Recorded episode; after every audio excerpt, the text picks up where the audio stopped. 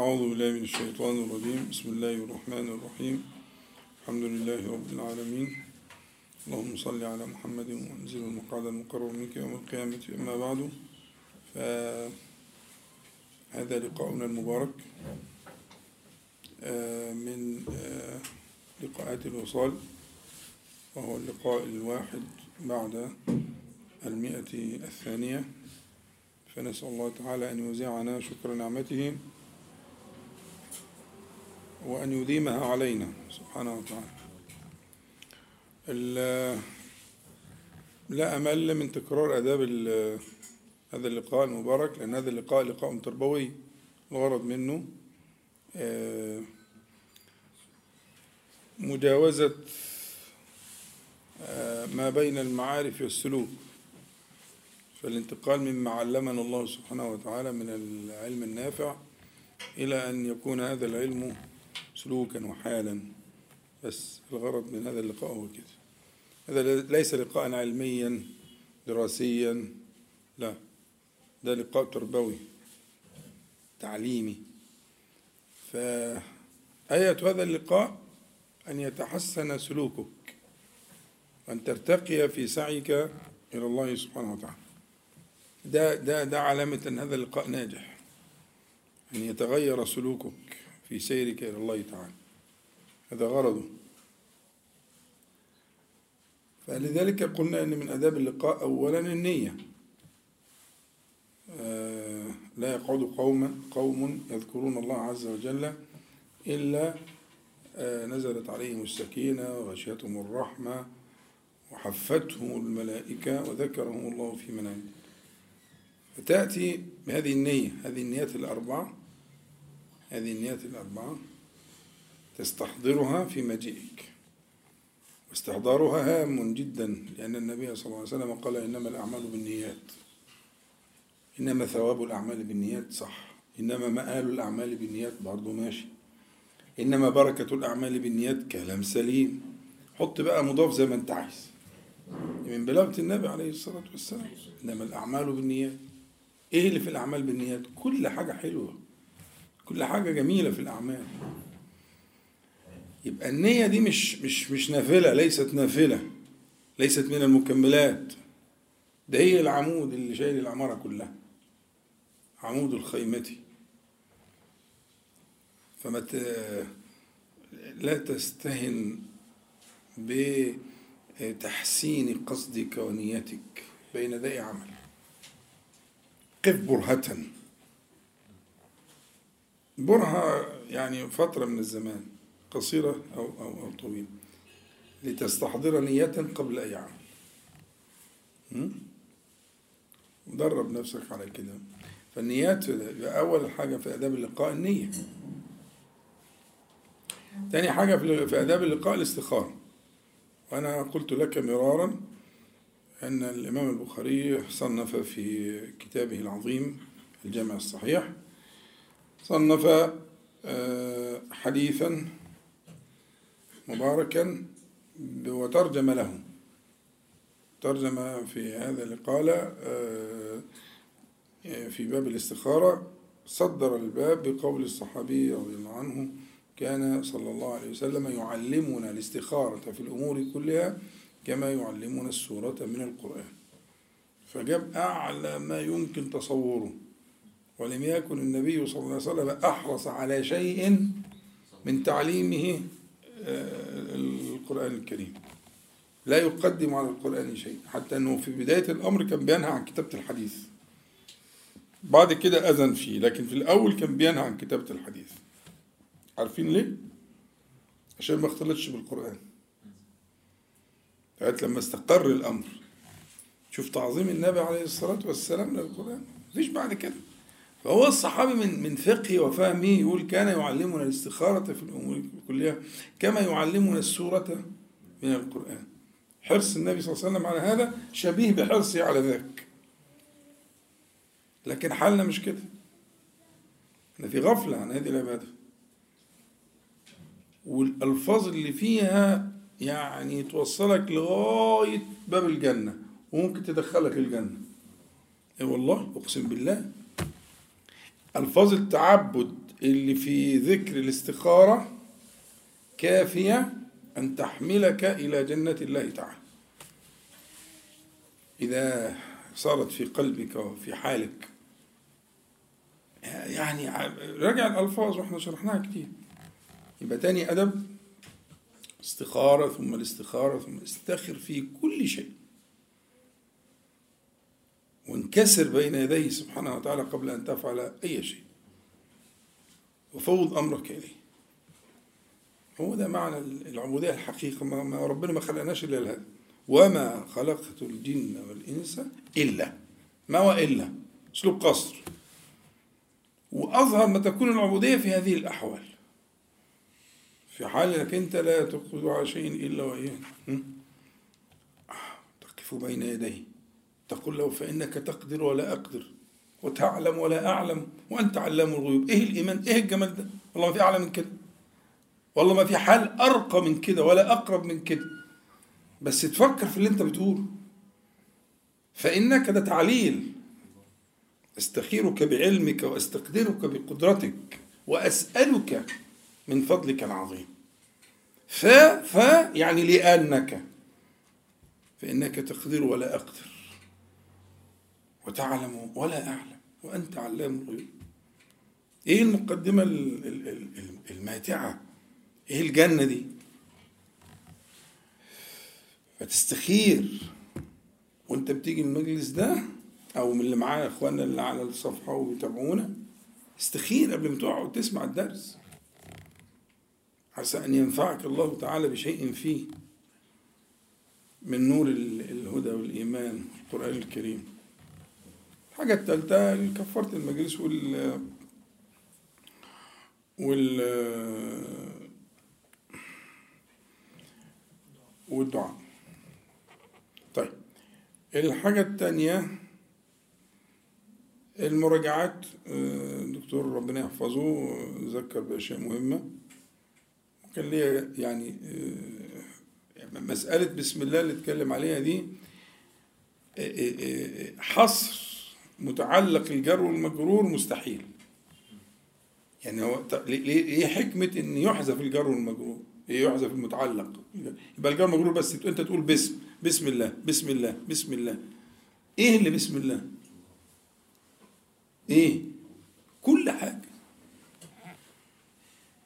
كل أمر ذي بال. كل حاجة بسم الله.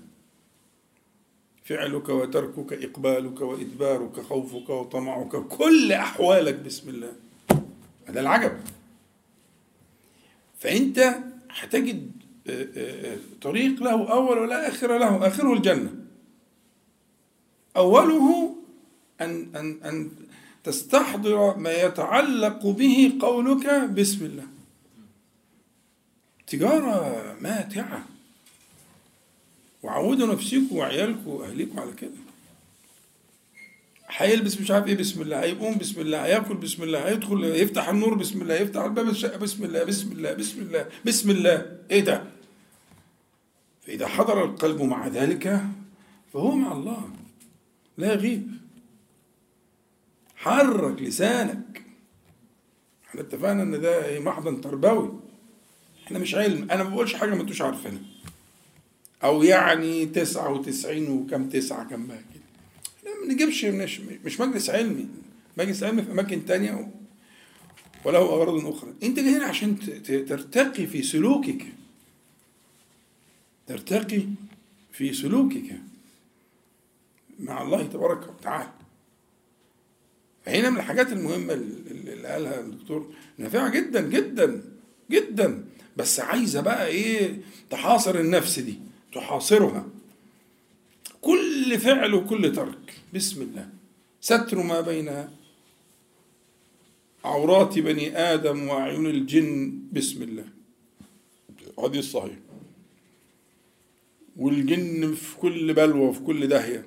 والناس ما بتتحرزش وبيستمتعوا يستمتعوا ببني آدم ويستمتعوا بعوراتهم ويستمتعوا ب... بسم الله خلاص يتعمي. كم حرف بسم الله دي تعميه. تعمي الشيطان وتعمل الجن الكافر والمجرم واللي جاي يأذي. بسم الله. كم حرف؟ ستر ستار كده. يسدل الستار. ولا يخبر بذلك إلا آه، من أطلعه الله سبحانه وتعالى على ذلك صلى الله عليه وسلم. ليبلغ هذه الأمة المباركة. خدت بالك؟ في معنى تاني.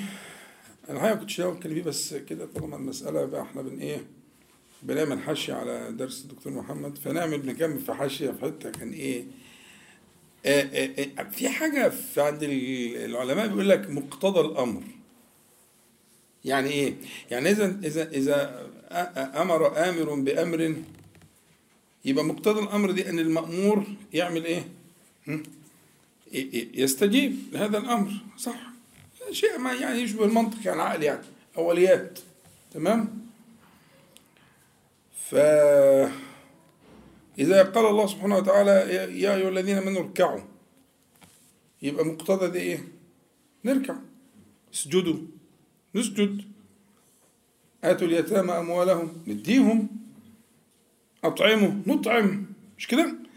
يبقى آه، آه، مقتضى الأمر أن أن أن أن يستجيب المأمور للآمر.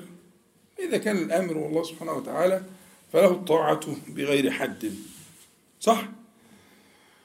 حلو قوي يبقى كل أمر بنسعى في الاستجابة. طب لو ما استجبناش يبقى في تقصير. في تقصير إن إحنا نستجب لأمر الله تعالى.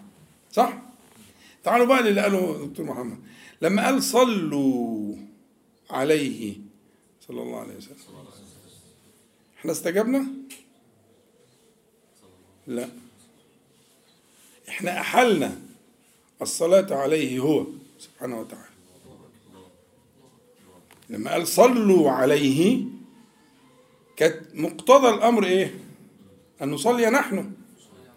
لكن هو علمنا إن إحنا لما يقول لنا صلوا عليه نقول إيه؟ اللهم صلي. فاحنا احلنا الامتثال إلى الله تعالى. لأن كان مقتضى اذكروا نذكر صلوا نصلي اركعوا نركع اسجدوا نسجد صلوا. نقول إيه؟ إنا نصلي على محمد. ده كان مقتضى الأمر. الامتثال كان يكون كده. لكن الامتثال ما كانش كده. الامتثال للأمر ما كانش كده. ما كانش إنا نصلي إنا نركع إنا نسجد إنا ها؟ لم نمتثل للأمر. ولكن أحلنا الامتثال إلى الله تعالى. فقال لنا صلوا قلنا له أنت الذي يصلي. وإحنا دورنا أن ندعوك ونسألك أن تصلي أنت. طب ليه؟ فاهمين فكرة الامتثال ولا الحكاية دي صعبة ولا سهلة؟ طب في حد مش فاهم؟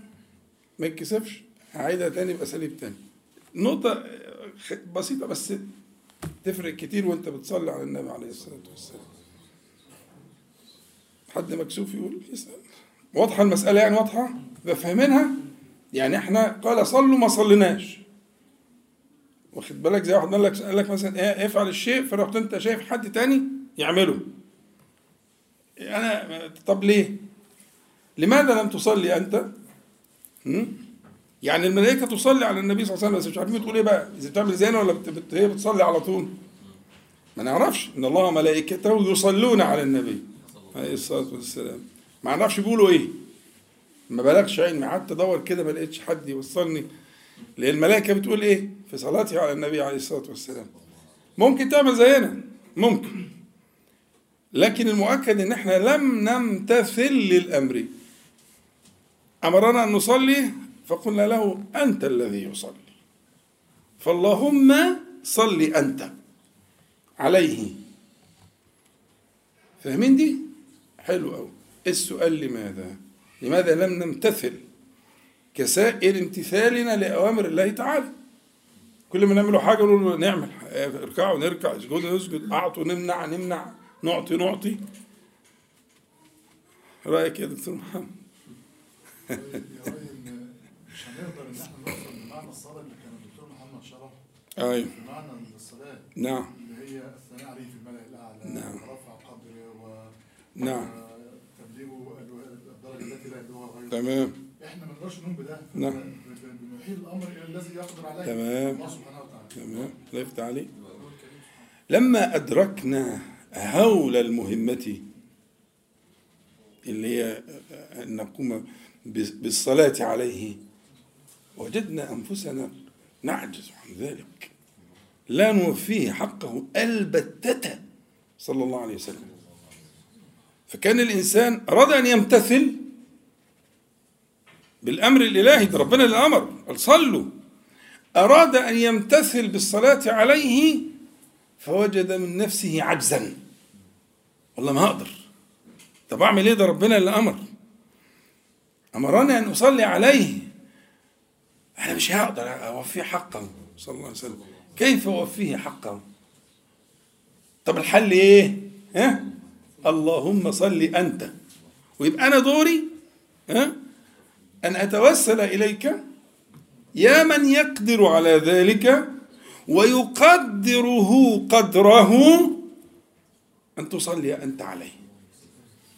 فلا يقدره قدره قدره غيرك.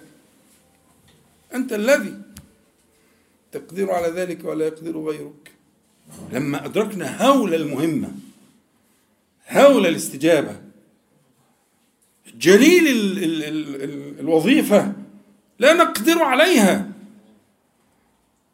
فتوجهنا إليه. فأنا عايزك تستحضر وأنت بتصلي على النبي عليه الصلاة والسلام. أنك لا تصلي عليه. والله لا تصلي. لا تقدره. أنت تتوسل إلى الله تعالى أن يصلي هو عليه. ده آخرك. آخرك إنك تقول كده. تقول اللهم ولا اللهم. دي معناها يا الله يا قريب. الميم دي عوض عن نداء القريب. اللهم يا قريب. أنت أقرب إلي من من حبل الوريد أقرب إلي من ها من نفسي. اللهم يا قريب أنت الذي يصلي. أتوسل إليك بكل وسيلة لتصلي عليه. فلا يوفيه حقه غيرك. يا الله. ساعتها بقى مش هت يعني هت- هتستمتع بالصلاة على النبي عليه الصلاة والسلام في مقام آخر. والله ذكر الصلاة على النبي صلى الله عليه وسلم ده. وأنا قلت لكم قبل كده كذا مرة حكينا قصة أبي. قصة أبي رضي الله عنه بتفتح باب بتفتح باب باب باب من أبواب العبودية باب واسع.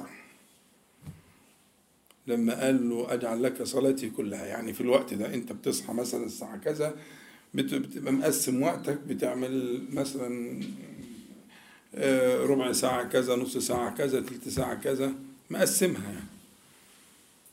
فقال أجعل لك صلاتي كلها أنا الوقت ده أخصصه بالصلاة عليك صلى الله عليه وسلم. قعد يتدرج والنبي صلى الله عليه وسلم يغريه. يغريه. فهو خير. فهو خير إلى أن بلغ أجعل لك صلاتي كلها يعني الوقت كله قال إذا تكفى همك ويغفر لك ذنبك. يعني حال أهل الجنة يعني. لا خوف عليهم ولا هم يحزنون. هتبقى في الحالة دي كحال أهل الجنة. يعني ده بيسموه علماء التربية بيسموه معجل نعيم الآخرة. يعني حاجة كده نفس نفس من أنفاس الإيه؟ الآخرة. يبقى دي تاني حشي على درس الدكتور محمد. والله أنا أسعد الناس بكده يعني. طيب آه أنت واخد بالك من الوقت عشان لما طيب. صلوا على حضرة النبي عليه الصلاة والسلام. آه إحنا كنا اتكلمنا على على على على عبودية ثالثة بعد عبودية الاستخارة وعبودية الفرار. من الله إلى الله وضربنا مثل بالاستعاذات. وقلنا عدد كبير يمكن حاجة وعشرين آه، نص من نصوص الاستعاذة.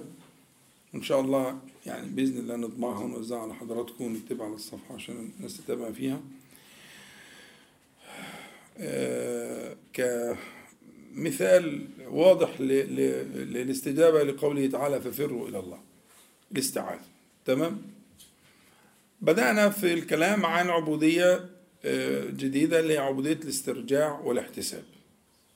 هي قول ال- القائل إن لله وإنا إليه راجعون.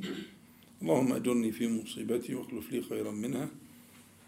آه، أني أحتسب عندك مصيبتي فأجرني فيها وأبدلني بها خيرا منها. إلى آخر الروايات الكتير أنا قلت لكم كلها روايات صحيحة والضبط ال- ال- اللغوي لها واسع يعني. آجرني أجرني إلى آخره يعني. قريب من ناحية اللغة قريب. المهم يبقى في صيغة تجري على لسانك باستمرار وأنت تحتاج إلى آه، آه، الاسترجاع والاحتساب. يعني يشبه أن يكون حاجة آه، آنية في كل آن وحين في كل ساعة. يعني الإنسان لا لا لا يخلو مما يؤلمه ولا إيه؟ ولا إيه؟ لا صحيح أصل دي نقطة مهمة جدا حتى عندنا في في الطب يعني إن المصيبة إن ال- ال- ال- المصيبة الكبيرة يعني إن سبب الألم يكون موجود وصاحبه لا يتألم دي كارثة لا يشعر بالألم. وفي الطب عدم الشعور بالألم ده فقد. لنعمة ما بعدها نعمة. يعني الشعور بالألم ده من نعم الله على العبد. أما ليه؟ يضع حدا. يعني مثلا بعد عنك يعني اللي عنده مشكلة القدم السكري واللي بيفقد ال... الإحساس في... في بالألم في رجله ممكن رجله تتشق وتتجرح وتعمل ومش حاسس. لا يشعر. عارف انت اللوحة اللي عندك في سيارتك؟ اللي بتبين لك الزيت والحرارة والبتاع ده هي دي. لو دي عطلت هتركن. صح؟ لأنها ما بتبينش ألم ال- ال- الماكينة دي. بتتألم. عايزة زيت عايزة مية عايزة آخره فممكن تفاجئك المشكلة تضاعفت أضعافا مضاعفة لفقد الإحساس بالإيه؟ بالألم الإحساس بالألم ده نعمة فلسفة ولا ما قابلين الفكرة؟ دي حقيقة بسيطة جدا والله الذي لا إله إلا هو الإحساس بالألم والشعور به من نعم الله العظمى على ابن آدم دكتور عبد الله رأيك إيه؟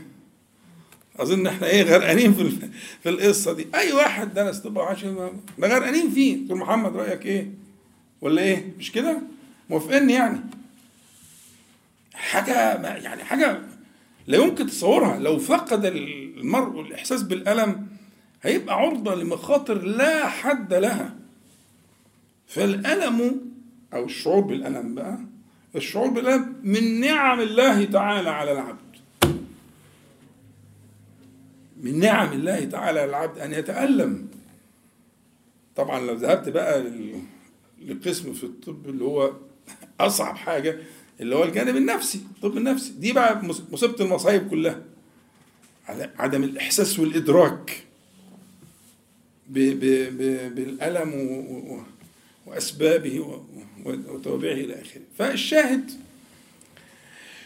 إن الذين إذا أصابتهم مصيبة يعني أحسوا بها. قالوا صح. لكن لو لو لم يشعروا بالمصيبة فكيف يقولون؟ فمن نعم الله تعالى أنهم يدركون ها، المصيبة الألم. ولا بد من حصوله والدنيا مشحونة بالآلام. حكمة الله تعالى وبالأحزان وبالأفراح وبالنعم وبالأرزاق. حكمته. سبحانه وتعالى أن تكون هذه الحياة كذلك وأن تكون ابتلاء. ونبلوكم بالشر ها والخير قال إيه ها فتنة. فتنة يعني تخليصا للمعدن النفيس. الف- الفتنة دي بيطلعوا يعني بيطلعوا الذهب من الحجر. شفتوا أنتوا ال- ال- المحاجر بتاعت المناجم الذهب؟ تبقى عاملة إزاي؟ أحجار ال- ال- ال calcium carbonates والحاجات دي الذهب بيبقى في وسطها. أحيانا يبقى يقول لك المحجر ده مش مش اقتصادي لأن نسبة الذهب ما تسويش المجهود اللي هيتعمل ويتصرف.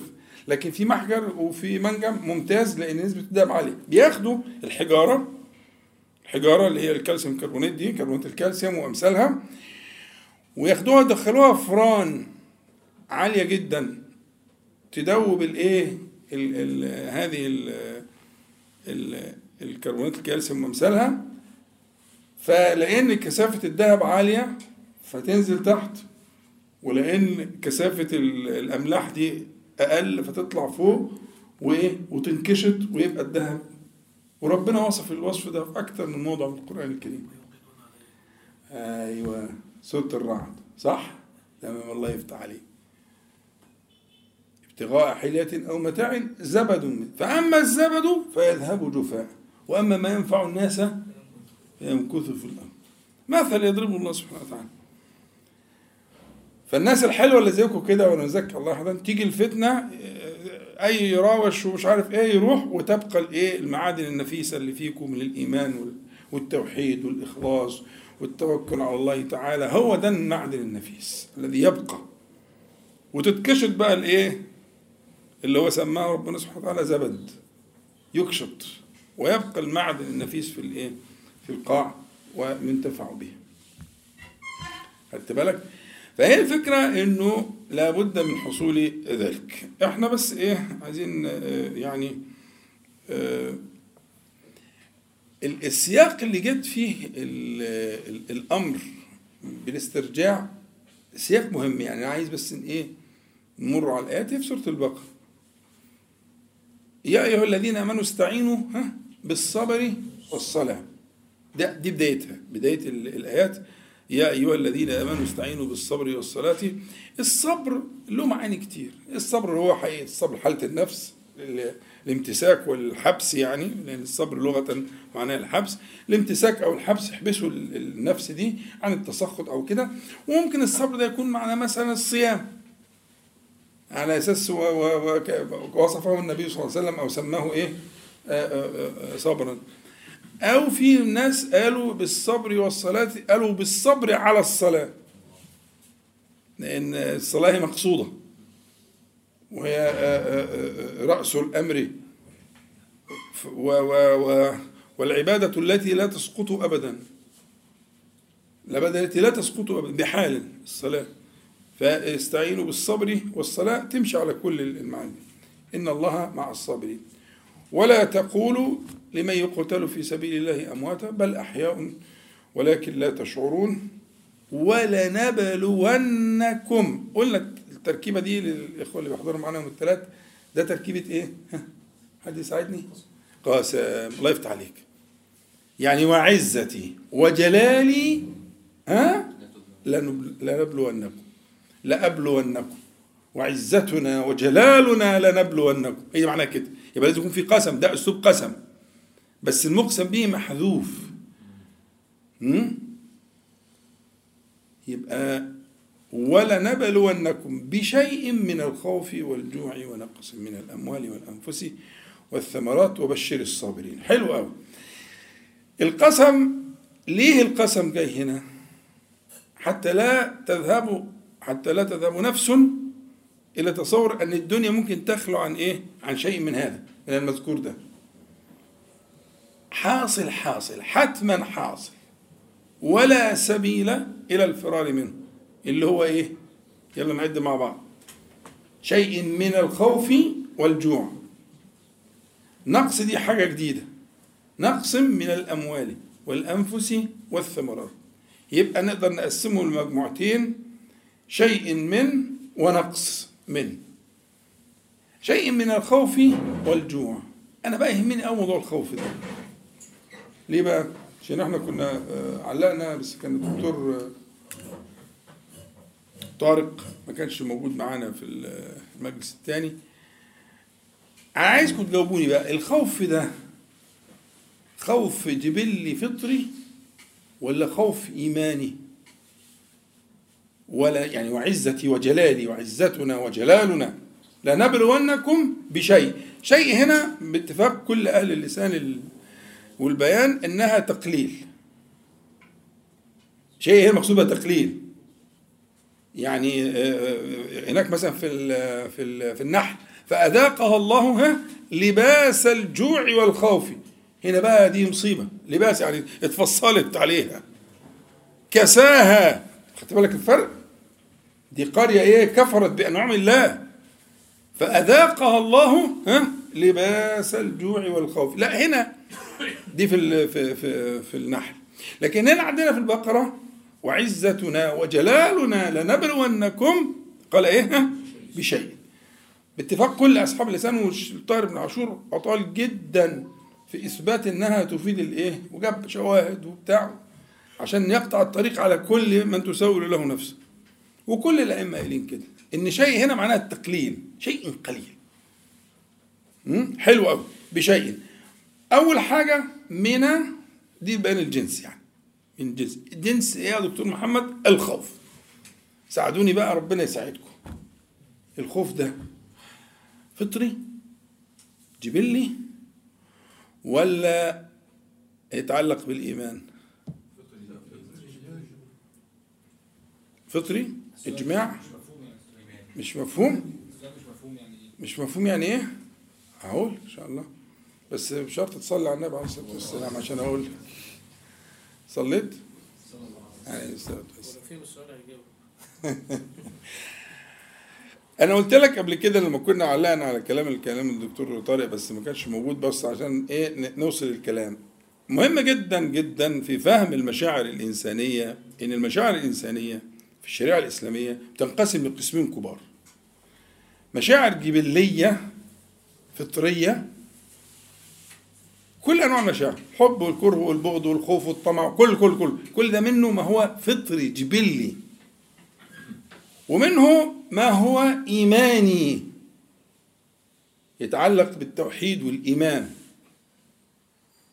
نفس المشاعر أي نفس المشاعر. ربنا تعالى يقول فلا تخافوهم وخافوني إن كنتم إيه يا كريم؟ ها؟ مؤمنين. يعني علامة الإيمان إن إحنا نخاف ربنا.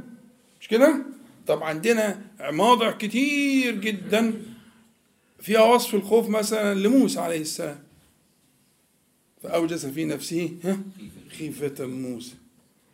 وأخاف أن يقتلون موضعين في القرآن. مش كده؟ يعني موسى عمال يخاف أهو عليه السلام. وهو من هو؟ اللي كان اللي يكح معاه كان ي- ده ده ده زق الراجل زقه موته. فوكزه موسى ها؟ فقضى عليه. ده بيخاف من إيه ده؟ بيخاف. وربنا سبحانه وتعالى يذكر خوفه في غير موضع من القرآن الكريم. طب ده خوف إيه ده اللي عند موسى عليه السلام؟ ده اسمه إيه؟ قلنا ده خوف إيه بقى؟ قول بقى معايا عشان ما تقوليش مش واخد بالي ها؟ فطري. لا علاقة له بالإيمان. ده من أكمل خلق الله إيمانا. مظبوط؟ ده من أولي العزم من الرسل. من أكمل خلق الله إيمانا موسى عليه السلام. وكل شوية أخاف أخاف أخاف أخاف. إيه أخاف؟ أخاف. خمس مرات ست مرات في القرآن. ده؟ بيعلمك ربنا بيعلمك عشان تفوق. عشان في حاجة اسمها مشاعر جبلية فطرية. الحب والكره والخوف والطمع في منهم هو فطري ولا بأس به ولا يمكن أن تتخلى عنه ولا منه. وقلت لك أنا عايز حد كده يقول لي مشاعر النبي صلى الله عليه وسلم تجاه أبي طالب لغاية آخر يوم في عمره كانت إيه؟ هتدور على كلام رقيق أكيد يعني. مش هتقول لي البغض والكره وال مستحيل. ده هو اللي مربيه. وحماه وظل يدفع عنه لآخر يوم في عمره. وهو يتحايل كلمة. قول كلمة بس يا عماه خدت بالك؟ والمحصنات من الذين أوتوا الكتاب من قبلكم إذا أتيتمهن أجورهن في المائدة. والمائدة من آخر ما نزل من القرآن الكريم. هل يعقل إن واحد يتزوج واحدة ويكرهها ويبغضها؟ رد عليا أقول له السرك ينفع يعني الشرع يأذن إن هو يتزوجها ويبغضها؟ إحنا وقفنا بقى في الحوار مع الدكتور طارق دي الجواب أيوه يا ابني في حاجة اسمها مشاعر فطرية جبلية دي مأذون فيها لا شيء فيها. بس ما يحبهاش في الله تعالى. لكن يحب لها يحبها لأنها بتخدمه وحاطة في عينيها ونظيفة وجميلة وبتربي عياله أحسن تربية و... إيه المشكلة؟ ده اسمه حب فطري جبلي. اللي يتخلى عنه يبقى مسكين يبقى مش فاهم حاجة. طبعا مش هيتخلى عنه هو بيقول إنه بيتخلى عنه لكن ما يقدرش ما يبقاش إنسان. فمراعاة ذلك ال ال ال ال والشواهد كتير جدا. يعني مثلا لو حكيت لكم قصة بس أنا خرجت عن الموضوع كده. الوقت خلاص؟ طيب. آه، آه، آه، آه، زينب بنت النبي صلى الله عليه وسلم زينب الكبرى. خلاص؟ وابن خالتها زوجها. لو حكيت لكم القصة بس دي عايزة قاعدة بقى فكروني دي عايزة بتاخد لها يجي نص ساعة كده كلام لما فيها من الشجن والألم. والمشاعر اللي كانت بينها وبينه النبي صلى الله عليه وسلم يقرها. وهي أجارته وهو كافر. والنبي صلى الله عليه وسلم طلب من المسلمين وفوض إليهم أن يجيروا فأجاروا ما أجارت زينب. وكل ده كان لسه كافر. وكانت بتحبه حب ما فيش بعد وما اتجوزتش غيره وما رضيتش تتجوز غيره. بعد ما فرق الشرع هم الأول ما كانش فيه تفريق بعد كده نزل التفريق فبقت هي في وادي وهو في وادي وهي في ولا تزال تحبه. ولم ينكر عليها النبي صلى الله عليه وسلم. ده بل يشفق عليها غاية الإشفاق. قلت لكم كان يحمل أمامة بنتها في الصلاة في, في إماما بالمسلمين. والحديث في البخاري. شفقة على زينب كان يشفق عليها جدا.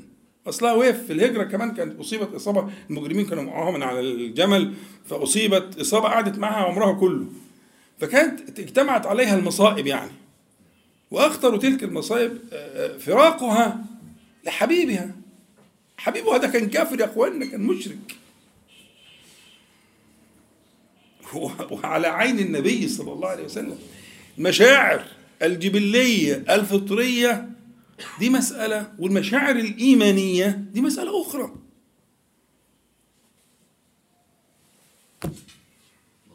ولنبلونكم بشيء من الإيه؟ أظن كده قطعا يقينا الخوف ده خوف إيه؟ ها؟ جبلي فطري يعني واحد بيخاف من الضلمة أقول له إيمانك ناقص؟ هي كده. ما أنت لو مؤمن بالله تعالى وموحد ما تخافش من الضلمة. على فكرة أنا سمعت الكلام ده أقسم بالله. بس يعني ناس مساكين يعني. ما هو لو مؤمن بالله تعالى ما يخافش من الضلمة. خاف من الضلمة ليه؟ أين إيمانك يا أخي؟ آه بخاف من الكلاب. آه ف- أنا آه والله ناس أهل سنة وناس محترمة جدا. ويترعش من الصرصور. اقسم بالله. إيه؟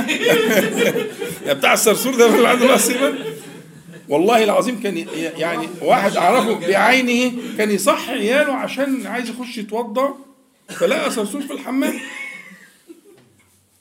صح حد من العيال الصغيرين عشان يبقى خايف الصرصور. وراجل دين وحامل كتاب الله تعالى وإمام وحاجة تانية بس بيخاف الصرصور أحاول نقنعه نفهمه نمسك له الصرصور كده ومش عارف إيه يا ابني؟ إحنا إحنا شرحناه في الكلية في إعدادي. مفيش بيخاف منه. طب ده في طعن في ايماني يا إخوانا؟ قبلتوا الفكرة ولا ما قبلتوهاش؟ حد ما قبلهاش؟ عايز بس سؤال توضيح كده لا لا يؤمن أحدكم حتى أكون أحب إليه من من والدي و من نفسه. وولي وولي آه وولي والناس أجمعين. ده بقى الحب اللي هو في الإيمان. ده آه طبعا. الله يفتح عليك. لكن آه. ممكن جبلي يبقى بيحب لا لا لا طبعا. الله يفتح عليك. ما هو ده. وبعدين أنا هقول لك حاجة يا محمد أنا قلتها المرة فاتت هكررها تاني.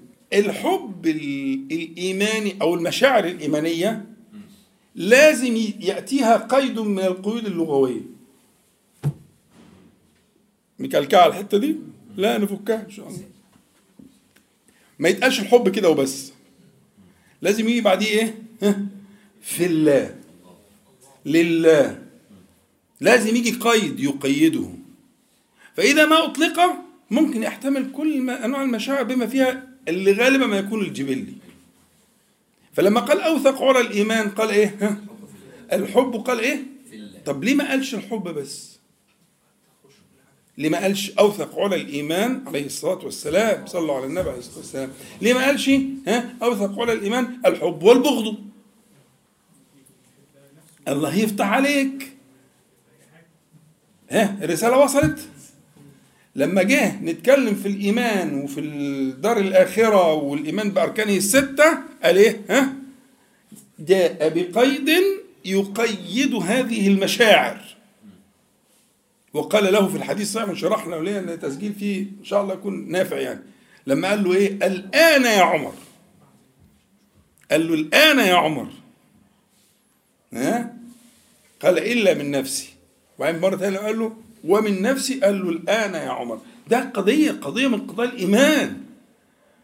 الإيمان بالله وملائكته وكتبه ورسله واليوم الآخر والقدر خيره وشره. هو ده الإيمان. ستة ستة أركان. الذي يتعلق بالأركان الستة أو ببعض الأركان الستة هو ده اللي يتحول من جبلي إلى ها؟ إيماني. وصلت؟ وصلت يا كريم؟ ولا ما وصلت؟ لا يفتح عليك انت نورتنا الحمد لله على السلامة. ألف سلامة. طيب يبقى إحنا يهمني جدا إن زي ما قلنا ولا نبلونكم ده أسلوب إيه؟ قسم. يعني وعزتي وجلالي لأبلونكم. محتاجة قسم؟ آه محتاجة قسم. ليه؟ ليه ربنا بيقسم هنا. لما ربنا يقسم أنه حتما يبلو بالأشياء اللي قالها دي بشيء من الخوف والجوع ونقص من الحاجات ثلاث حاجات. إيه إيه تستفيده أنت من غير ما تدخل كلام المفسرين والكلام اللي هو العالي ده؟ إيه تتصور أنت ليه ربنا بيقسم في حاجة زي كده؟ الله يفتح عليك. أيوه كده. أنا بحب هات وخد عشان نصحصح مع بعض كده. أيوه طبعا. عشان خلاص ده حاجة حتما هتحصل. ما تقفش بقى يا عم لما تجيلك. هي جاية جاية. عرفت منين إنها جاية جاية؟ أصل هو أقسم. مش كده؟ هو أقسم حبيبي أقسم. وبيعمل كده عشان مصلحتي. أنا محتاج كده. فهو أقسم.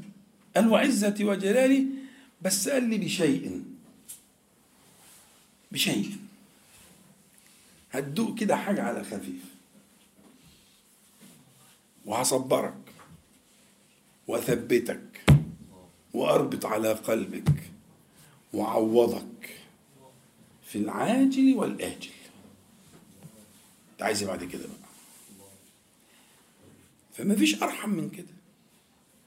فكان القسم ليعدك أيها المخاطب بالقسم لما سيكون. فهمت بقى معنى القسم طيب وعزتنا وجلالنا لنبلونكم بشيء يعني زي ما قلنا كده إيه بشيء من الخوف وقلنا الخوف اللي هو الإيه ها؟ آه. اللي هو الخوف من الصرصور ويخاف من الضلمة ويخاف من من العدو ويخاف من السيف ويخاف إيه المشكلة؟ قال لا إني ضعيف وإني جبان. ما قالوش أنت مش مؤمن. قال له عليك بجهاد لا شوكة فيه الحج والعمر هو جبلته كده. ما يقدرش يشوف الدم والسيوف والحاجات اللي زي كده. خلاص اخرج بقى من صف المؤمنين. لا ده حاجة جبلية فطرته كده جبلته كده. هل قبله ولا لم يقبله؟ عليه الصلاة والسلام. قبله. وظفه في الحاجة اللي تنفعه. ليه؟ لأن ذلك مبني على قاعدة أن ذلك من الجبلي الفطري. اللي ممكن نتعايش معاه ونرتب أمورنا عليه. خلاص يا أخوانا ولنبلونكم بشيء من الخوف والجوع ونقص من الأموال والأنفس والثمرات. عايزة وقت بقى شرح التقسيمة دي مش اللي إحنا خدنا الجزء اللي يهمنا وبشر الإيه؟ ها؟ الصابرين. مين الصابرين؟ الذين. فهنا جاية الصابرين اتقدمت فيها شيء من الإجمال. يا رب الصابرين دول صفاتهم إيه؟ سيأتيك بصفة فارقة للصابرين. فهمت بقى؟ عشان تفهم قيمة الإيه؟ الذكر إحنا بنقوله ده. تفهم قيمة الذكر إحنا بنقوله ده. ها؟ الصابرين فكأنك تسأله بقى تقول إيه يا ربي؟ ومن هم الصابرون؟ كيف أكون من الصابرين? الذين. ها؟ اسم موصول. له جملة صلة هتفصص. فممكن تقول إيه؟ الصابرين الذين. لو قريت كده كانت حلوة جميلة. م? لو انت قريتها كده تبقى حلوة جميلة. انها بتفهم نفسك. وبشر الصابرين ها؟ الصابرين الذين. حلو قوي بتفهم نفسك طبعا مش مش بتقراها في الصلاة يعني كده لكن انت بتقراها بتفهم روحك وانت بتتلو. الصابرين الذين إذا أصابتهم مصيبة وإذا يعني حتما حتما سيكون. لأن قبل كده في قسم.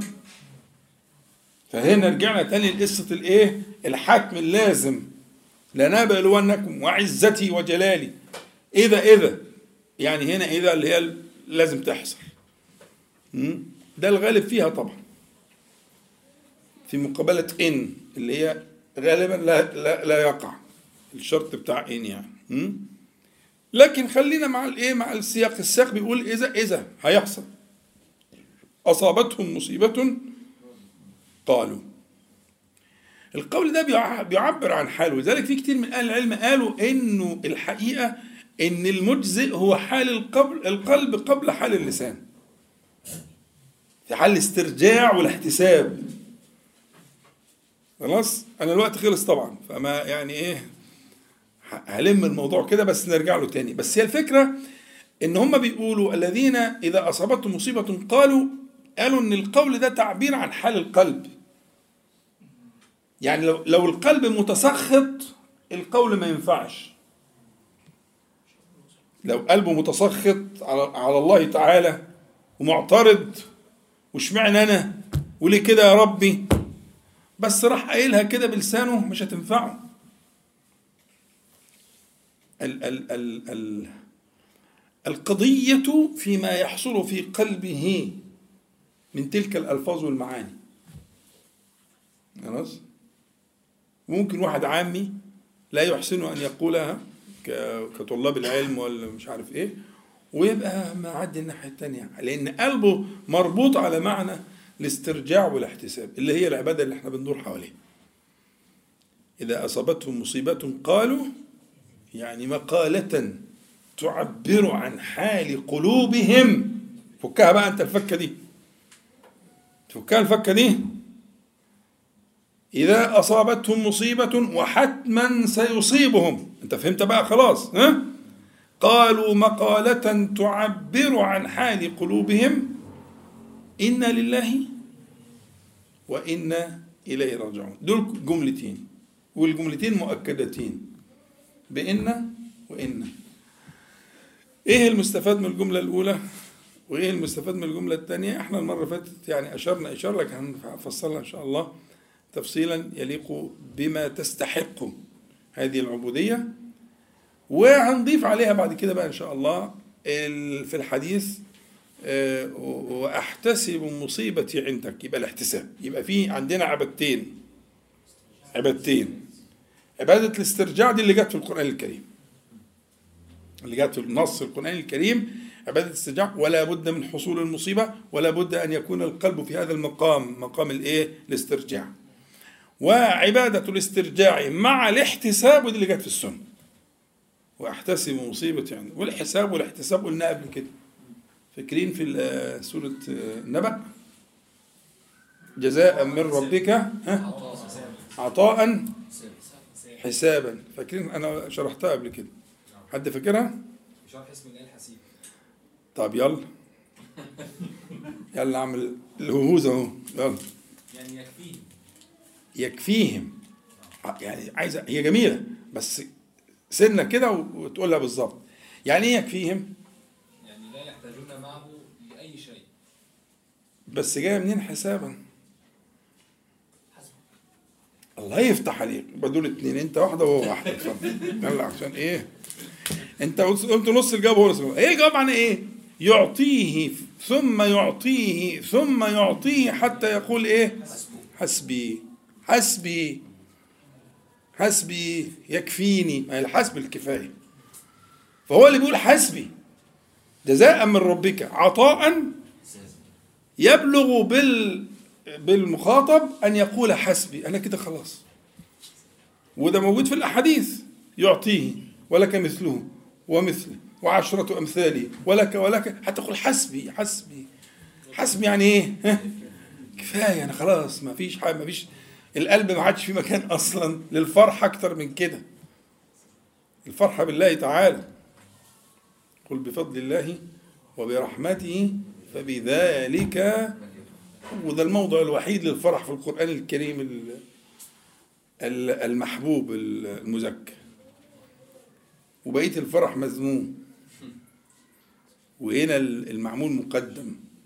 فبذلك فليفرحوا مقدم. عشان ما عينك ما تزغش كده ولا كده. بفضل الله وبرحمته. يحصره سبحانه وتعالى الفرح به. فأنت هتقعد يقول لك يعطيك فهي فكرة ال- ال- الاسترجاع هنشرحها كلمتين إن شاء الله بالتفصيل. ومع الاحتساب برضو معنى كويس جدا. يعني أن أن أن يعوضك ها أن يعوضك بعوض حتى تقول إيه بقى؟ ها هندسة تقول حسبي ده كده ده كده رضا. ده خد كمان. ده ده مش معقول. أه؟ تقول حسبي يكفيني. يكفيني ما عوضتني في تلك المصيبة. حتى تصير المصيبة دي نعمة.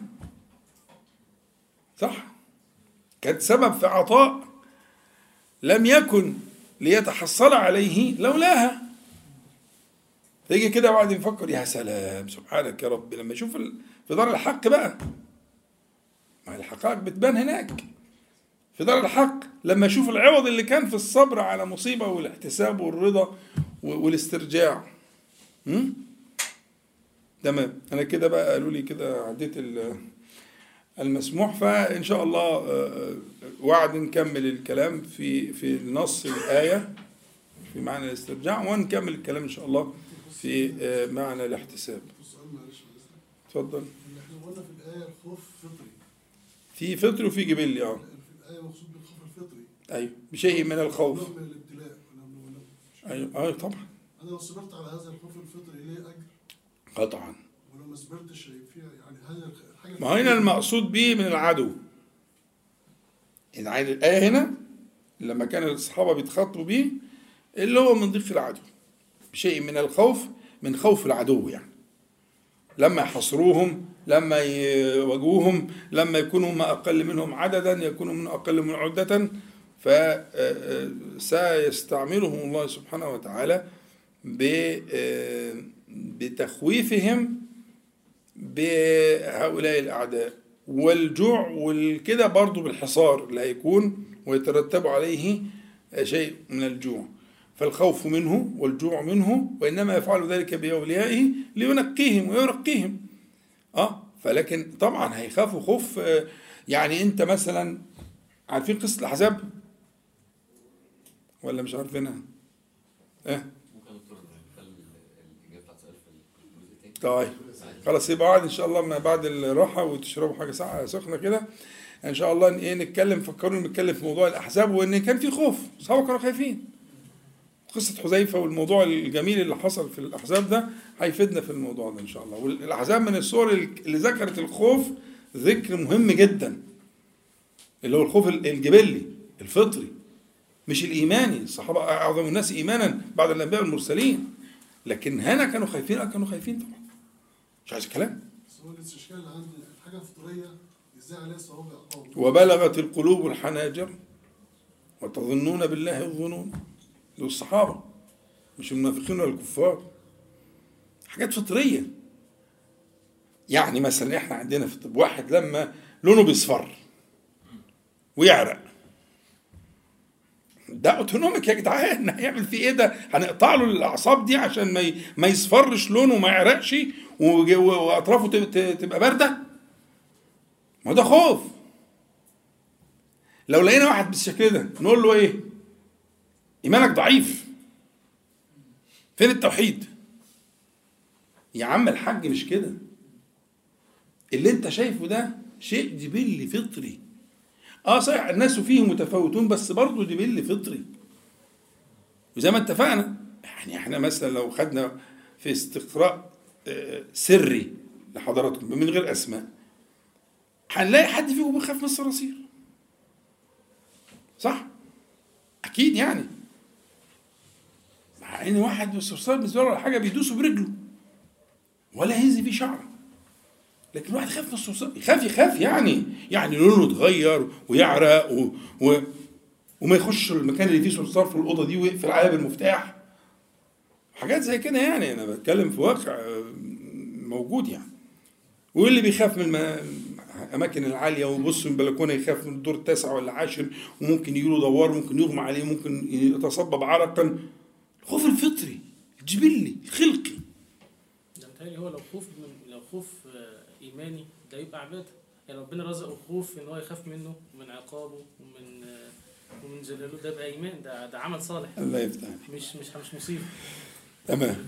صليتوا على النبي صلى الله عليه وسلم. ففكروني بقى بعد الفاصل إن شاء الله. نسأل الله عليه القدير أن ينفعنا جميعا بما قلنا ما سمعنا. جعله حجة لنا لا علينا اللهم صل على محمد. أنزل مقعد كما قام الحمد لله. تفضل حضرتك.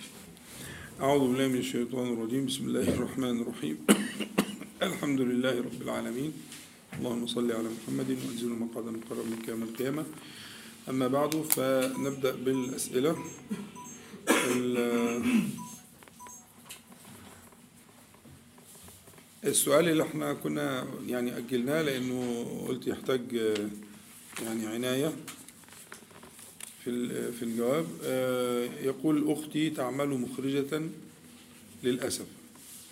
وزوجها ممثل وهي مشهورة جدا وقد انغمست في ذلك انغماسا شديدا. آه، هي محجبة. و مش عارف إيه وجدعة كلمة كده مش عارف إيه. إيه ده؟ تصحى تصلي وتصلي صلي هي محجبة وتصلي. دي كلمة مهمة جدا بس هو كاتبها مش واضحة يعني. هي محجبة وتصلي. وجدعة آه، الجدع هو الفتي من كل شيء. الفتي من كل شيء. ويجوز أن تكون بالذال أو بالذال تتعاقب الدال والذال تتعاقب في الكلام. سهلة يعني. يعني جدع بالذال أو جدع. والجدع من الضأن وال هو هو الفتي منها يعني القول الفتي وفي حديث آه، ورقة رضي الله عنه ليتني فيها جدعا. حين يخرجك قومك. يعني فتي أقدر أنصرك وأزيرك. فالكلمة كلمة عامية وممتازة جدا. وجميلة ومعناها لطيف جدا. الجدع. الجدع جدع. والجبان جبان. صحيح. صحيح. الجدع جدع ده مبتدأ وخبر. بس بلاغي. واخد بالك؟ انت بتخبر على الشيء بنفسه. فالبيت ده كله بلاغة بحقيقه الجدع جدع. وإحنا كمصريين بننطق الجيم بالطريقة دي يعني. دي جيم مصرية. وبرضه الجيم الشامية مش مش عربية. لا جاء وجاءوا دي برضو ليست عربية. والجيم بتاعتنا برضو ليست عربية. فصيحة يعني. لكن جيم العربية مختلفة. لها مخرج ولها صفات. عشان برضو إيه في بعض ال- المتدينين ينطقون بيسموها أنا المشايخ اللي كانوا بيعلمونا يعني كان القرآن الكريم كان يقول لي دي الجيم الفلاحي اللي هي جينا وجاءوا فلما جاءوا جاء جاء جاء جاء جاء جاء مش أج أج. دي الجيم العربي. المهم فهي إيه؟ جدعة. حلو. وتحب الخير. يبقى محجبة وتصلي وجدعة وتحب الخير. كيف التعامل معها في هذه الحالة وحكم مالها من ناحية الحرمة؟ السؤال قسمين التعامل والمال. طبعا التعامل آه، هي لها صفتان. الصفة الأولى أنها أخت. فرحم. يعني حتى لو كان الرحم كافرا. يعني الناس اللي أرحمهم كفار حكمهم إيه؟ الأرحام ال- الأولى يعني كالآباء والأبناء والأمهات والإخوة والأخوات. حاضر. ها؟ حكمه إيه؟ يعمل إيه من من ابتلي بهذا البلاء؟ طبعا أعوذ بالله من ذلك يعني. إنه ها؟ أن أرحامه المقربين كفار. يجب عليه صلاته ببساطة بالشرع والدين. طالما لا ينهاكم الله عن الذين لم يقاتلوكم في الدين ولم يخرجوكم من دياركم أن تبروهم. والبر قلت لك الاتساع الذي لا حد له في العطاء. البر من البر. البر اللي هو ملوش حد ده. يبقى أنت برهم يعني تتوسع تتوسع في الإحسان إليه وتقسط إليه. طالما ما هماش مجرمين يعني ما حاربوش الدين. تمام؟ فده إذا كانت في الكفار يبقى في حالة بقى آه، آه، مسلمة وعندها مثلا مخالفات أو كده لا طبعا. فهي ال- ال- ال- الوصف الأول أنها أخت أخت رحمية يعني مش أخت في الله أخت رحمية أنها أخت في الرحم فلها حق حق البر والصلة بغض النظر ما هي بتعمل إيه؟ حتى لو مش محجبة حتى لو ما بتصليش. لها حق. حق البر والصلة تمام؟ فده الجزء الأول اللي هو حق الأخوة. يجب عليه أن يتواصل معها وأن يبرها وأن يحسن إليها وأن يتلطف معها إلى آخره. سيما بقى لو كانت على هذه الصفات. محجبة وتصلي وجدعة. يا نهار أبيض. ده حاجة جامدة أوي. ما شاء الله. يبقى مسألة كيف التعامل معها التعامل معها أولا يكون بحق الرحم الذي أوجبه الله سبحانه وتعالى وربنا اللي أوجبه مش حد تاني. مش جدعانة منك يعني ده واجب عليك. خلاص؟ آه، آه، آه، والحق الثاني هو حق ال- الدعوة إلى الله سبحانه وتعالى. ربنا لما أمر بالدعوة قال ادع إلى سبيل ربك قال بالحكمة والموعظة الحسنة. فلازم يكون في فقه في الدعوة. تشوف إيه اللي يناسبها وإيه المداخل التي تناسبها وتناسب شخصيتها وكده ويكون الكلام معها على كده.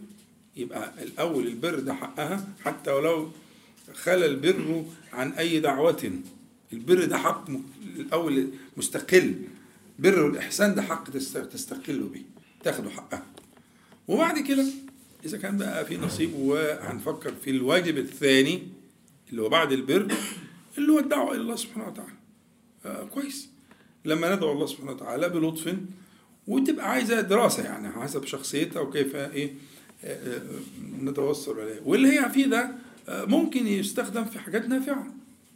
يعني آه، آه، الأدوات اللي هي أدوات ال- ال- الفنية المختلفة والآليات المختلفة. وأنواع المونتاج والإخراج والتصوير والإضاءة والصوت والمؤثرات الصوتية والحاجات دي ممكن استعمالها كأدوات في الدعوة إلى الله تعالى وفي تعليم الناس أو فيما هو دون الفجور. يعني ممكن يحصل ترقي. يعني إيه؟ إيه؟ إن الأعمال الفنية بتعملها تبقى خالية عن اول تخلو عن الايه عن المقاصد السيئة والمعاني الخبيثة والأشياء الشهوانية المثيرة للشهوة وكده. فلا بأس. يعني يعني أن يتدرج معها في دعوته. ودليل التدرج قطعي في الشريعة الإسلامية. صح؟ بس مش عايزين لأن ده هياخد وقت. ممكن نخصص له وقت. أدلة قطعية في الشريعة الإسلامية في التدرج في الدعوة.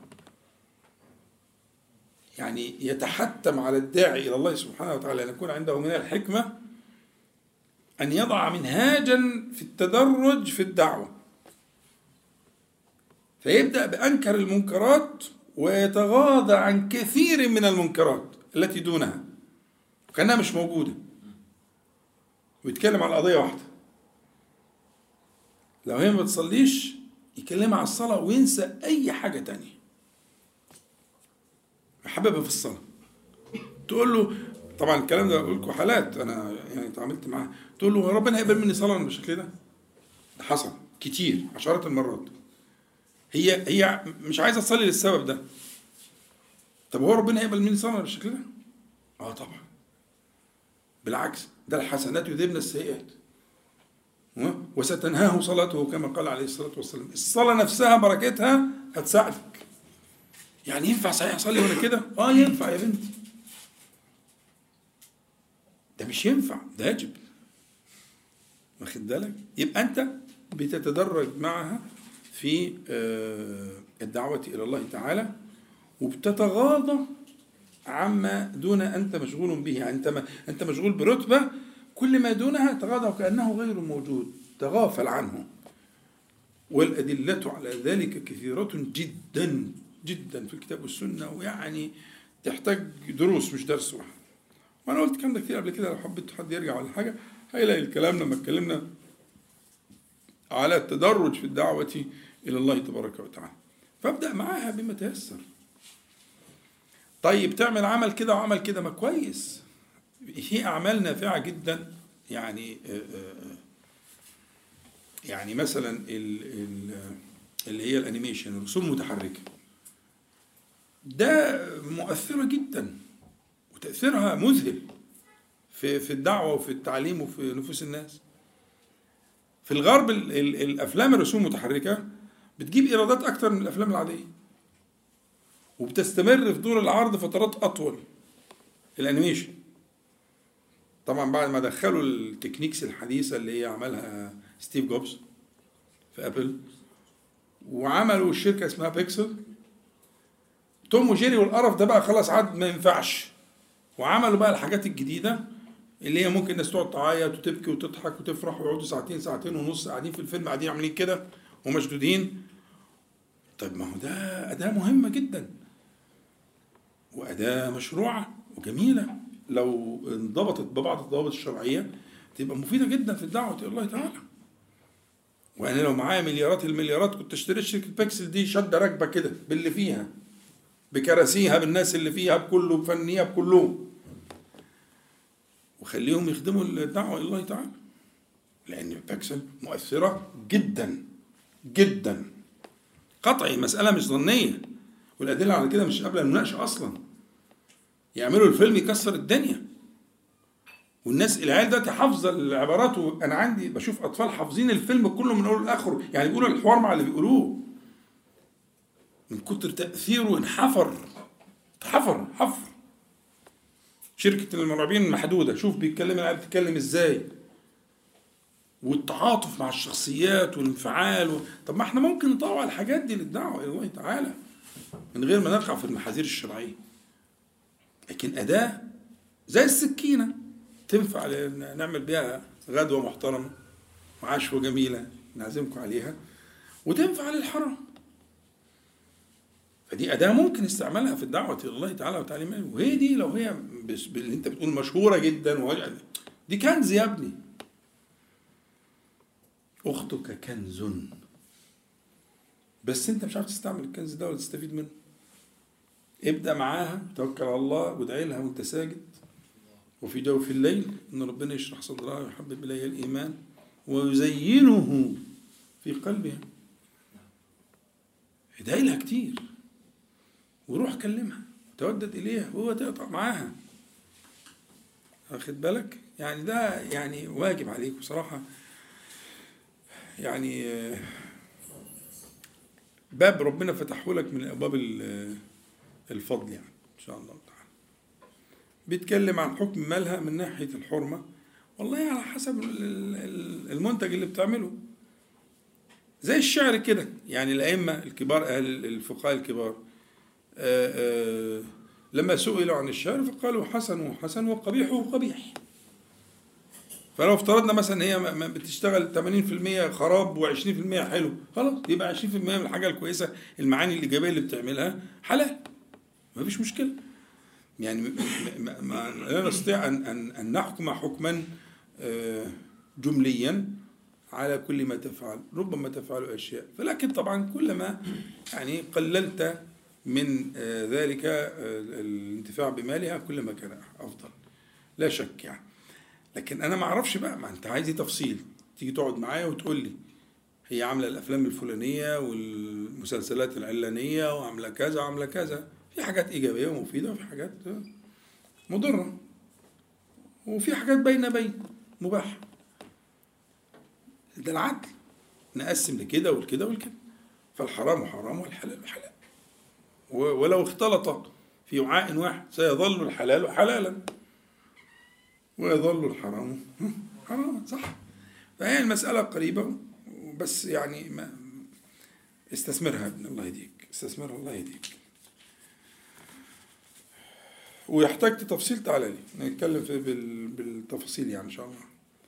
أشعر أن أمي ظلمتني ده قريناه ولا ما. أشعر أن أمي ظلمتني وضغطت علي في أن أتنازل عن بيع نصيبي في شقة أبي إلى أخي الصغير ولكني رضيت برا لها ولأبي ولكن يدخل لي الشيطان كثيرا في أني ظلمت من أمي وأجاهده. يعني الشيطان يقصد فبما تنصحني؟ أنصحك ألا ترجع فيما جادت به نفسك. الدنيا فانية حقيرة ولا قيمة لها. حتى لو كان مئة مليون جادت نفسك بشيء فلا ترجع فيه. بس الوصف اللي في الحديث مؤلم. كالكلب يرجع في قيئه. هو طبعا النبي صلى الله عليه وسلم يعني هو الجمال كله بس الوصف ده للتنفير. يا ابني انت ربنا شرح صدرك وعملت واجب بريت بأمك وأختك وضربت مثل للناس اللي حواليك وفي عيلتكم بهذا البر والإحسان اوعى ترجع. ده من عمل الشيطان استعذ بالله من الشيطان الرجيم.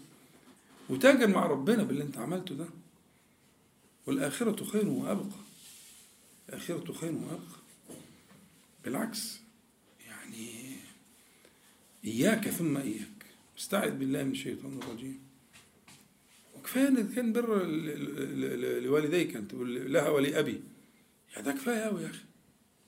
فما بالك بقى إذا كان ده كمان في تطيب لخاطر الأخت الصغيرة ولا مش عارف يعني الحاجة الحقيقة يعني لأخي الصغير ما كويس. ولو هو زاد عنك في المال وفي الدنيا فأنت زايد عنه في حاجات تانية كتير في الباقي. يعني استعذ بالله من الشيطان الرجيم. وأكثر من ذكر الله تعالى والجأ إليه ليربط على قلبك. وإياك ثم إياك. أن تكون كالوصف الذي جاء في الحديث. ده إكرام وهبة وإحسان منك. فعلته لوجه الله تعالى. ارجع إياك ثم إياك. ما حكم شهادات الاستثمار في هذه الظروف من انتفاع سعر مش عارف إيه والتقليل والتخفيف ومش عارف إيه؟ سألني جاوبنا السؤال ده؟ لا ما تعملش حاجة من دي. والتفاصيل بقى تتواصل معي اللي عايز يعرف تفاصيل يتواصل معي آه، هل هناك علامات تدل على أن ما يحدث للإنسان من الحسد أو العين ما يحدث له من مما يؤلمه يعني ويضره من الحسد؟ وكيف السبيل للنجاة من الحسد أو العين؟ السبيل المواظبة على أذكار عمل اليوم والليل. فقط لا غير ونقطة من أول السطر. لأن هتخش في رهاب مرضي ملوش حل. كل صغيرة وكل كبيرة. ده من العين ده مش عارف إيه. طبعا المصيبة الأكبر ده من عين فلان ده من عين فلانة. ملهنها يا ابني؟ ده نفق مظلم. من دخله لا يخرج منه أبدا. والحل الحل حال المشرف. صلى الله عليه وسلم. بس حافظ على اللي إحنا شرحناه بالتفصيل اللي بيسموه أهل العلم عمل اليوم والليلة. من ساعة ما تصحى لغاية لما تنام. إلزم مش لازم مئة بالمئة على قدر ما تستطيع. من حاله المشرف يكفيك وزيادة. ولا تقعد تقول فلانة وفلان كله كلام من عمل الشيطان. وليوغر صدرك. ويوقع بينك وبين من حولك فإياك أن تقع في هذا الفخ. لا تقول العين ولا حسد أصل اللي بتبقى من العين بتبقى مش عارف إيه والعلامة اللي بالحسد والكلام ده مكتوب طبعا. ها؟ مكتوب للأسف. وعلاماته إذا كان هذا الشيء من عين يا ابن الله يهديك. إلزم سنته المشرفة تكفيك. وزيادة. وتكفي الناس اللي جنبك كمان. صحيح. وجعلني إيه؟ ها؟ مباركا أينما كنت. ده هو هيحل تحل معاه البركة. يعني مش مبالغة يعني ليس ليس من المبالغة أن أقول إنها تكفيه وتكفي من حوله. أي والله وتكفي من حوله. شخص مبارك. منين ما يحل تحل البركة معاه. بانتظامه وتعظيمه لعمل اليوم والليل. بس مش أكتر من كده. من أول ما يصحى عليه الصلاة والسلام إلى أن ينام. شوف أنت وأنت موجود في كتاب وكتاب قد كده سؤال قد كده. أي كتاب حسن المس أي حاجة يا عم. أذكار للنوم كل الوابل الصيف كله كله كله. أي كتاب من الكتب دي. بيمسكك من أول ما تفتح عينك لغاية ما تنام. حلو قوي رضا. كتاب النصيحة بتاع الدكتور محمد إسماعيل حفظه الله. عسل. عسل مصفى. بس واربط على كده. وتعيش في أمان وفي اتزان. مش العربية مش عارف اتخبطت. آه ابن الذين مش عارف إيه. الواد مش عارف إيه. الأسانسير عطل. اللي مش عارف بتاع اتخرم. الجزمة مش عارف. يا ابني يهديك رب انت كده. بقيت صرت ألعوبة في يد عدوك. ويكفيك ما قلت لك. مقتضى الجلال والإكرام والجمال المعاصي والذنوب من أي مقتضى؟ وهل الجلال والجمال كقولهم إن أفعال الله بين فضل وعدل؟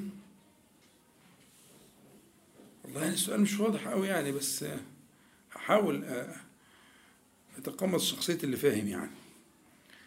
مقتضى الجلال والإكرام طب المعاصي من, من, ما هي رب معصية ابن القيم بيقول كده. رب معصية أورثت ذلا وانكسارا كانت خيرا من طاعة أورثت عزا واستكبارا. ده مش كلام أنا بقى. الكلام اللي منور ده مش تبعي. رب معصية أورثت ذلا وانكسارا. آه دي معصية عسل. معصية جميلة. التي أصل لابد من المعصية. كتب على ابن آدم نصيبه من الزنا مدرك ذلك لا محالة. فالعينان تزني إلى آخره. لابد. أقم الصلاة طرفي النهار. وزلفا من إن الحسنات يذهبن السيئات. ذلك ذكرى للذاكرين الدورة بتاعت الليل والنهار. لسه قايلينها. لابد من كده. فأنا أسير إلى الله تعالى.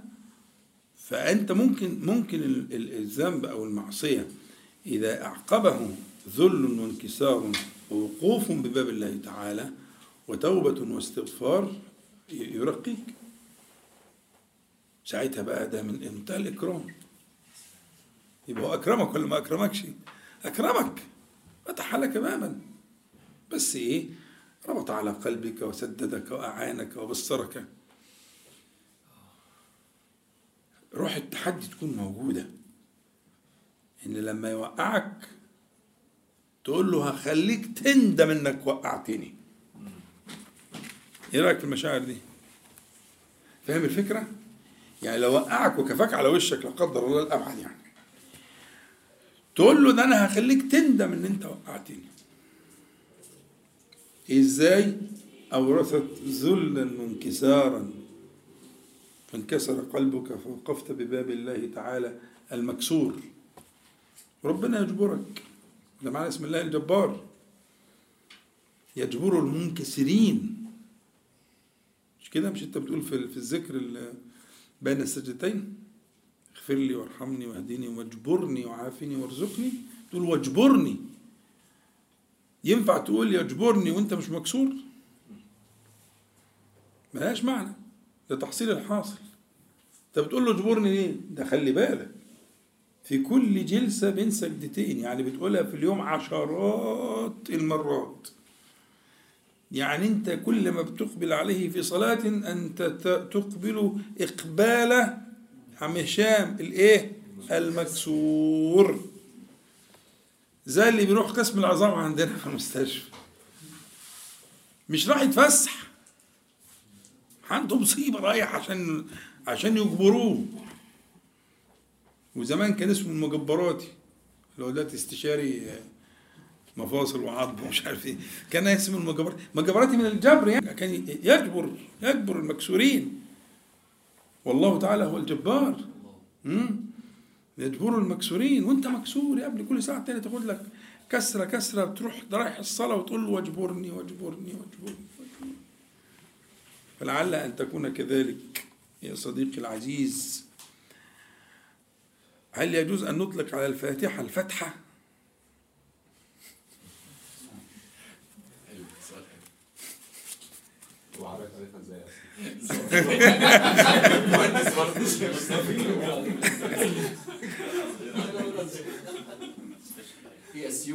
والله أنا يعني هو طبعا صاحب السؤال ممكن يبقى يراجعني بيني وبينه يعني إن شاء الله. بس يعني سؤال عجيب بصراحة. لا يعني هو ال ال ال في القرآن الكريم لا يجوز أن الا تنطق حرفا؟ لا أقول ألف لام ميم حرف ولكن ألف حرف ولام حرف وميم حرف فلا يجوز في القرآن الكريم أن تتجاوز حرفا لكن يعني في العامية لو واحد آه، يقول آه، الفتحة يا جماعة وما ما عملش المد ما الفرق بين الف- الفتحة الحركة وبين الألف حركة واحدة صح؟ الفتحة اللي الضمة والكسرة دي حركة تمام؟ لو الضمة بقت حركتين تبقى واو. لو الكسرة اللي هي حركة واحدة بقت حركتين تبقى ها؟ ياء. الفتحة لو بقت اللي هي حركة بقت حركتين تبقى إيه؟ بس. فالحركة دي مقدارها قد إيه؟ بيتغير مقدارها. يعني واحد بيقرأ بالحدر غير واحد بيقرأ بالتدوير غير واحد بيقرأ بالتحقيق غير واحد في مقام التعليم. كل لكل واحد من دول زمن الحركة بيختلف. يعني زمن الحركة ده مش ثابت. يقول لك مقدار آه، فرد الإصبع أو آه، ثانية دي حاجات تقريبية لأن الحركة بتتغير. الحركة بتتغير حسب آه، التلاوة التي تتلو بها القرآن الكريم. فبالتالي ممكن تبقى الفتحة كده على أنها اتخذت كده على أنها سريعة. ممكن جاهز يعني لا بأس.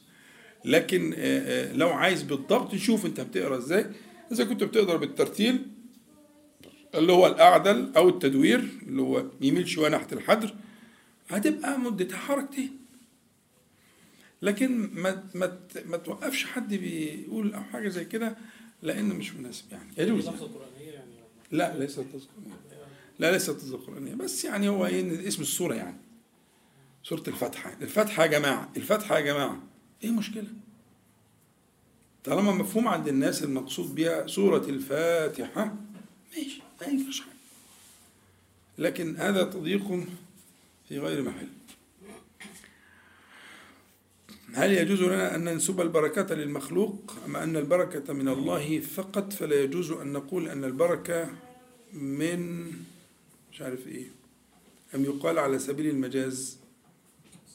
لا الحذف ده كثير جدا في اللسان العربي ولا آه، يعني يشبهه شيء من الظاهر البيانية في اللسان العربي الحذف. فإذا قيل آه، البركة آه، عن شخص مبارك مقصود ببركة الله كما قال الله تعالى عن عيسى عليه السلام وجعلني مباركا أينما كنت يعني تحل البركة بحلوله. عليه السلام. لا بأس على تقدير أن ال- ال- الاعتقاد أنه لا, تصور أن القلب يذهب إلى أن البركة تكون من ذاته وليست من الله تعالى. هذا تكلف تكلف تكلف. شمم فيها ريحة التكلف. صحيح. تفوح منها رائحة التكلف. بيقول إن الصلاة في قوله تعالى إن الصلاة كانت على المؤمنين كتابا موقوتا السؤال عن كانت. إذا قبل إذا قيل إن الصلاة على المؤمنين كتابا موقوتا فإن المعنى متحقق. فالما فإذا فيه مفيش كتابا بقى يعني على المؤمنين كتابا موقوتا. إن الصلاة على المؤمنين كاتب كتابا لا. كتابا دي اتنصبت عشان كانت. لو هتشيلها تقول بقى إن الصلاة على الم... في القول القائل يعني ليس في القرآن الكريم إن الصلاة على المؤمنين كتاب موقوت. ها؟ مظبوط؟ خبر إن يعني. فإن المعنى متحقق فم- فما الفوائد والمعاني في كانت؟ ترجع بقى للصفة المحلاة شرحتها آه، باستفاضة. لكن ألخصها لك بس أرجو أن يكون اختصارا مخلا. هنا آه، الكينونة معناها التحقق والوقوع والتثبت. فلو عايز تشيل كانت وتحط مكانها حاجة تقول إن. في قول القائل يعني إن الصلاة على المؤمنين كتاب موقوت محقق مثبت. كده دي أفادت كانت. يبقى الكينونة هنا معناها التحقق والوقوع. ومجيئها في الزمن الماضي أثبته كذلك. يعني هو في المضارع تفيد فإذا جاءت في الماضي فكانت أمرا أزليا. في الأزل من قبل أن تكون صلاة وأن يكون ناس وأن تكون أرض وأن تكون سماء فكانت هنا دخلك في عالم تاني خالص في الأزل من الأزل عشان ما لم يقل ذلك في الصيام سبحانه وتعالى ولم يقل ذلك في الزكاة وهي أركان ولم يقل ذلك في الحج لكنها لإيه؟ الصلاة. فالكينونة هنا للماضية دي معناها التحقق والثبات والوقوع الأبدي الأزلي. حط الأربع خمس كلمات دول وشيل كانت. ده التفسير. فهمت؟ آه، في سورة الكهف في قصة موسى عليه السلام قال للخضر المهم انه قال عليه السلام للخضر وما قالش عليه السلام لموسى. فلا تصاحبني مع أن آه، سيدنا موسى عليه السلام هو من صاحب الخضر وليس العكس. فكان فكان يقول له فلا أصاحبك أو فلا أصاحبك إذا كانت خبر يعني. فما هي الفوائد والمعاني في اختيار اللفظ تصاحبني؟ فلا تصاحب. الراجل عايز يوم الثلاث عشان يجي الثلاث آه. نتشرف بيه في الصف إن شاء الله. إذا كان عندك الاهتمامات دي إخوانك بيزح نعم؟ وفي ختمة الظهر. آه. يشترك في ختمة الظهر في ال- اللقاء الافتراضي على الصفحة الجميلة دي. عندنا ختمة ظهر يوم الاثنين. ومفيدة ونافعة. وإذا أراد يتواصل معايا وأنا أدله على كيفية الاشتراك في ختمة الظهر. أو يشرفنا في اللقاء الآخر اللي هو درس ال- الصفة المحلى آه،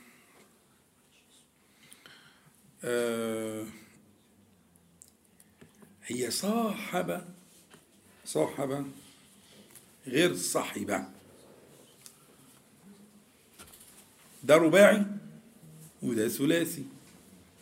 أنا مش عايز أقول بقى حاجة تكون مش مناسبة للمجلس يعني لكن أنتوا أظن أنتوا رباعي وثلاثي ده عدي تعدي معاكم صح؟